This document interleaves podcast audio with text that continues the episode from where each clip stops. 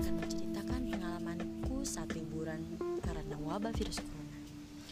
Hari-hari telah aku lewati, merasakan bosan dan burung liburan sekolah ini yang tidak biasanya aku, keluargaku, bahkan teman-temanku yang biasanya melakukan aktivitas liburan di luar secara bebas dan tidak adanya protokol. Tapi sekarang malah cantum peraturan. Siapa sih yang tidak bosan di rumah saja?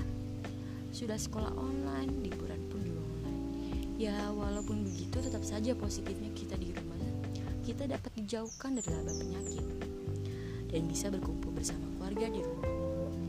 Selama liburan sekolah, aku banyak sekali menghabiskan waktuku yang belum sempat aku lakukan selama offline, seperti merapikan rumah, kamar, olahraga, menonton film, dan menghabiskan waktuku di kamar, seperti merasakan duniaku sendiri. Tapi untuk liburan pandemi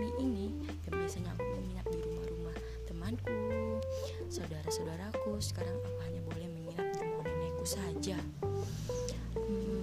memang liburan di masa pandemi ini aku lebih banyak mempunyai waktu yang lebih banyak daripada sekolah offline.